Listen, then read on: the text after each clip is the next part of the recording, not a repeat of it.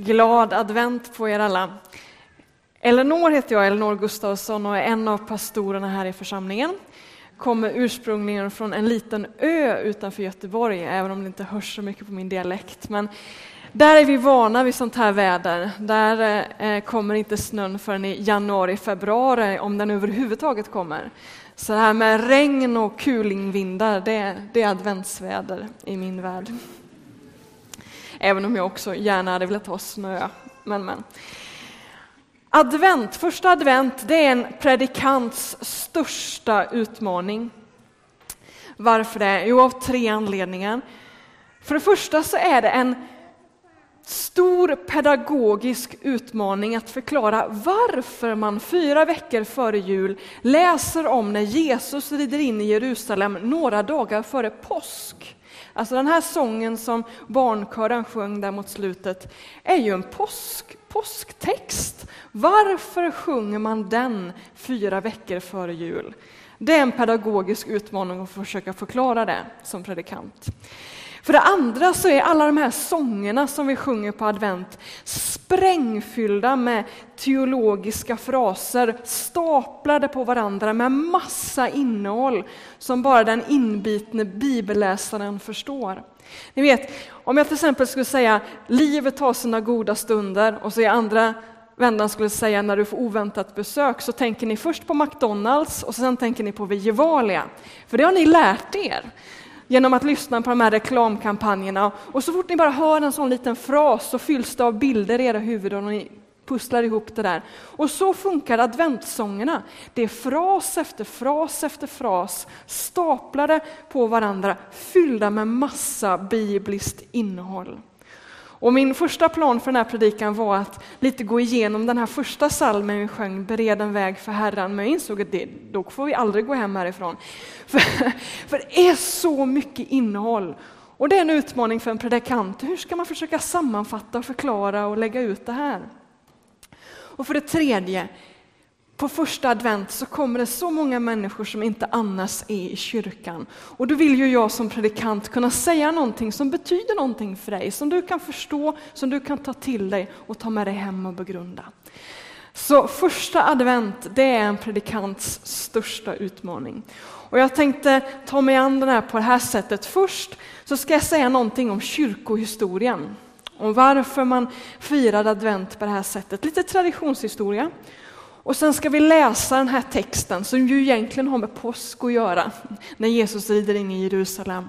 Och till sist ska jag säga någonting om vad har det här med dig och mig att göra som lever på 2000-talet. Men först kyrkohistorien. Under den här historien så har ju kyrkan liksom brottats med hur ska man fira påsk, hur ska man fira de här olika högtiderna. Och det man började med att fira det var påsk, och det var för att det var en judisk högtid. Eh, den fanns liksom redan, så man, man fyllde den med lite annat innehåll. Och man firade på det här sättet att man 40 dagar innan påsk hade en fasteperiod där man var lite sparsam med kött, med socker, man åt lite enklare och man bad en massa böner som handlade om att Gud, hjälp mig att förstå vad påsken handlar om.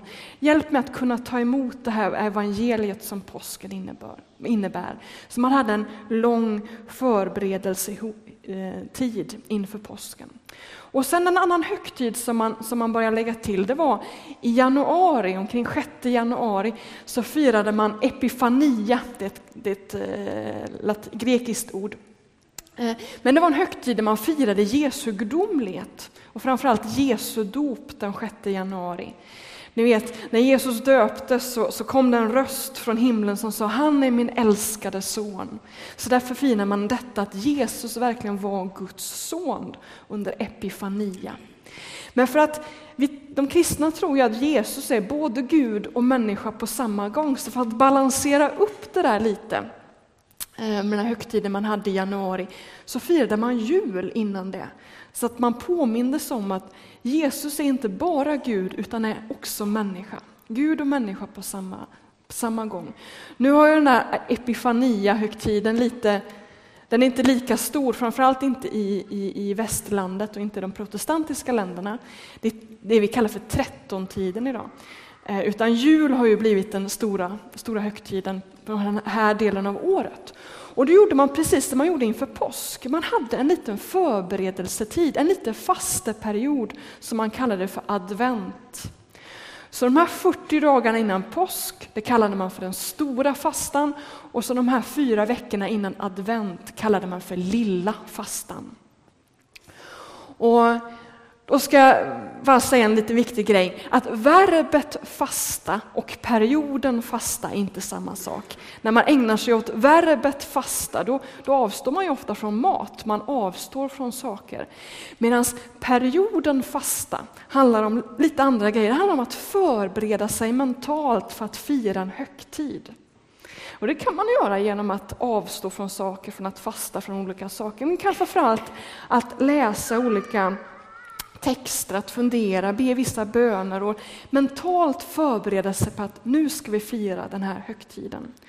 Och då presenterade jag förra söndagen en bibelläsningsplan, bibelläsningsplan som jag hade gjort just som man kan använda för att förbereda sig under advent. Och ni som tog den och som lusläste den märkte att det var något konstigt. Jag hade nämligen lyckats stoppa in en extra vecka innan jul. Och det är inte så att vi ska fira jul här en vecka senare än alla andra i Ryttargårdskyrkan, utan nu har jag gjort en ny bibelläsningsplan. Så ta gärna den om du vill ha den. Jag ber om ursäkt för att ni har en sån förvirrad pastor. Eh, nu ska vi se vad jag är i mitt manus också. Ja, jo, Advent då, det kallas för den lilla fastan. Det finns många kristna i det här landet som, som brukar fasta inför påsken, men det här med att fasta inför jul, det är det inte många som gör. Har jag märkt.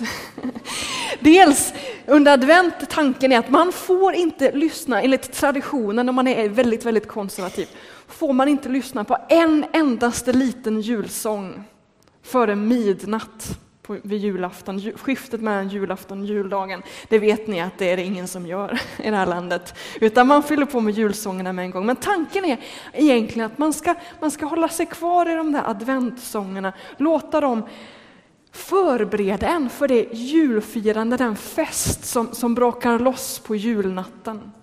Så det, det är liksom advents historia. Och ett sätt att liksom förbereda sig mentalt var att läsa den här texten om när Jesus rider in i Jerusalem som konung. Och nu ska jag läsa den här texten och då tycker jag att vi står upp för den är så högtidlig. Och nu läser jag från Matteus evangeliet kapitel 21. När de närmade sig Jerusalem och kom till Betfage vid Olivberget skickade Jesus iväg två lärjungar och sa till dem Gå bort till byn där framme så hittar ni genast ett åsnesto som står bundet med ett föl bredvid sig. Ta den och led hit dem. Om någon säger något ska ni svara Herren behöver dem, men han ska strax skicka tillbaka dem. Detta hände för att det som sagts genom profeten skulle uppfyllas. Säg till dotter Sion, se din konung kommer till dig, ödmjuk och ridande på en åsna och på ett föl, ett lastdjurs föl. Lärjungarna gick bort och gjorde så som Jesus hade sagt åt dem. De hämtade åsnan och fölet och la sina mantlar på dem och han satt upp. Många i folkmassan bredde ut sina mantlar på vägen, andra skar kvistar från träden och strödde dem på vägen. Och folket, både de som gick före och de som följde efter, ropade Hosianna, Davids son, välsignade han som kommer i Herrens namn, Hosianna i höjden. När han drog in i Jerusalem blev det en stor uppståndelse i hela staden och man frågade, vem är han? Och folket svarade, det är profeten Jesus från Nasaret i Galileen. Varsågod och sitt. Det finns ju som sagt massa profetier i Gamla testamentet som handlar om att Gud skulle sända en frälsare, en konung som skulle förinta ondskan en gång för alla, som skulle skapa fred och välstånd i världen. Det var vad man väntade på. Och Den här texten som vi läste nu precis är hänvisar till flera sådana gammaltestamentliga profetier. Och det är därför man läser den här texten på advent, för att påminna sig om vem är det som föds i Betlehem egentligen? Jo, det är ju konungen. Eller Messias som han kallas på hebreiska, eller Kristus som han kallas på grekiska. Konungen, frälsaren som ska förinta ondskan och skapa fred på jorden. Och de kristna tror att det är Jesus som är Messias, fredsfursten. Men då säger judarna, nej men det kan han ju inte vara. För ondskan finns ju fortfarande mitt ibland oss. Han har ju inte utrotat ondskan, det har inte blivit fred på jorden. Då kan inte Jesus vara Messias. Men då säger de kristna att när vi läser Gamla Testamentet så kan vi ana att det är så att Messias ska komma i två faser. En första ankomst och en andra ankomst. Vid den första ankomsten så kommer han likt Jesus gjorde som ett han kommer i ödmjukhet, han föds i ett stall, han kommer inridande på en åsna. Han kommer i ödmjukhet. Och sen vid Jesu andra ankomst, i den andra fasen, då kommer han i makt och i härlighet, i strålglans. Och då kommer fredsriket landa här på jorden. Och då menar de kristna att det man ska göra som mellan Jesu första ankomst och Jesu andra ankomst, det är att delta i den här räddningsplanen som Messias håller på med. Det handlar om att följa honom, att förlåta dem som har gjort oss illa, att älska människor, att hjälpa människor, att ge dem hungrande mat, att, att vara med och sprida fred och frid i världen. Det är vad som sker mellan de här två faserna. Och advent betyder just ankomst. Och under advent så mediterar man och funderar på båda de här ankomsterna. Man, man, man väntar på att fira jul, man väntar på att sätta fram krubban, man väntar efter att få sjunga julsångerna. Man ser fram emot att fira Jesu första ankomst. Men samtidigt så väntar man på Jesu andra ankomst, då fredsriket äntligen ska landa här på jorden. Så man låter de här liksom förväntningarna gå in i varandra, så man längtar efter att fira jul samtidigt som man längtar efter att Jesus ska komma. Att Jesus ska komma tillbaka. Och mycket det här spelas det an på i de här adventsalmerna som vi sjöng. Det handlar om Jesu andra ankomst. När han kommer dundra in i den här världen som konung och regera, ta makten. Det är vad man, vad man ber om, det är vad man längtar efter, det är vad man lever i under adventstiden.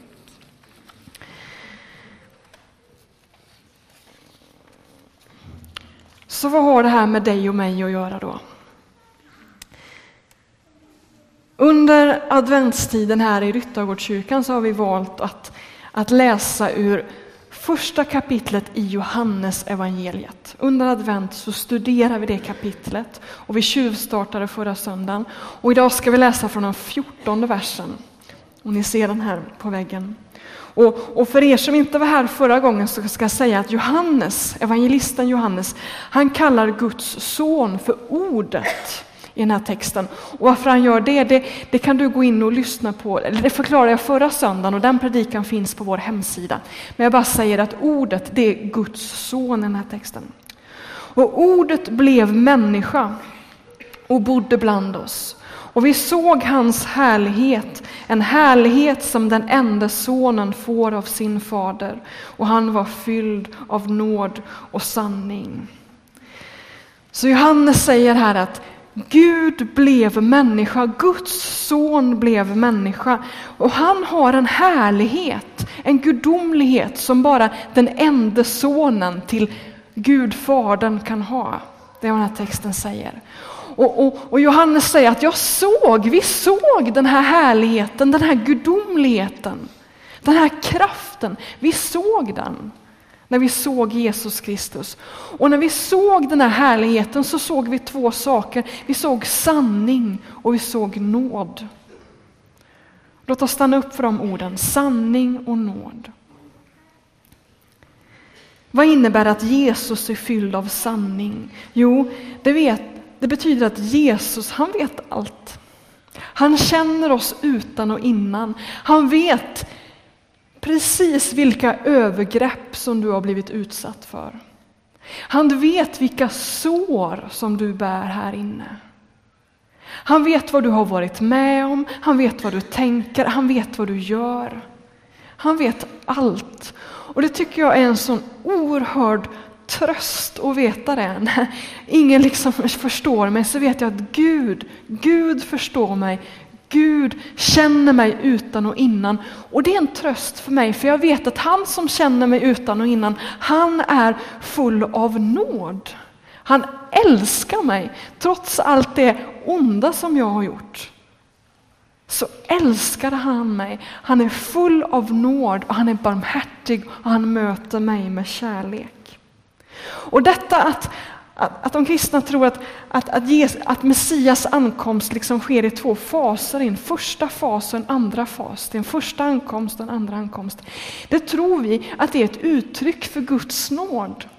För det som Jesus gjorde vid sin första ankomst, det var att han visade världen att jag är värd att lita på. Jag är värd att lita på. Och det visar han genom att han frivilligt går in under tortyr. Att han frivilligt ger sitt liv, att han låter sig avrättas. Och på så sätt så visar han liksom, trots att ni har gjort allt det här dumma mot mig så älskar jag er så här mycket. Lita på mig. Och så, så bjuder han in mänskligheten till att kom och följ mig. Kom och gå bakom mig, kom och var med mig, kom och följ mig. Gör som jag. Och när man, och när man slår följe med honom, när man liksom slår armkrok med honom, man, så, så upptäcker man just detta, hur mycket Jesus älskar mig och dig. För vet ni, Jesus han vet att vi inte kan älska vår nästa om vi inte först har fått lära känna kärleken. Och det vet ju, det vet vi, att man kan inte älska om man inte erfarit, erfarit kärlek. Man kan inte älska om man först inte blivit älskad. Och man kan inte leva så osjälviskt som Jesus kallar oss att göra om man inte först har mött att någon är osjälvisk i mötet med mig. Så när man liksom går med Jesus och försöker leva som honom, älska som han gjorde, leva osjälviskt som han gjorde, hjälpa de fattiga så som han hjälpte de fattiga. När man liksom övar sig i det, lär känna Jesus, så får man också förmågan att kunna älska, att kunna leva osjälviskt för att man får möta Guds kärlek. Att man får möta Guds osjälviskhet. Så det är något gott att få göra det, att få gå med Jesus. Och det är vad advent handlar om. Det handlar om att bjuda in Jesu ankomst i mitt eget liv och säga kom här, kom in här och lös alla de knutar som finns här. Alla de sår som finns här som hindrar mig till att kunna göra gott i världen, till att kunna älska min familj, min partner, mina vänner och alla de som jag inte känner. Kom och, kom och lös de knutarna här inne så att jag kan älska, så att jag kan följa dig. Det är vad advent handlar om. Det handlar om att bjuda in Jesus in i sitt hjärta. Så till sist. Till dig som brukar gå hit till Ryttargårdskyrkan.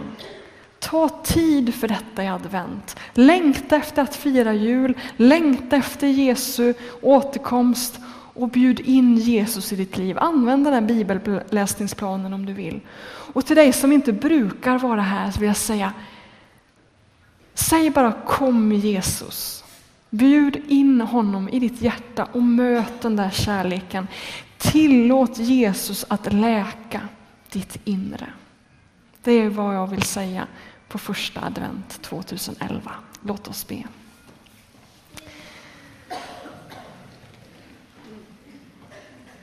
Vi tackar dig för den dagen då du red in i Jerusalem på en åsna som en konung.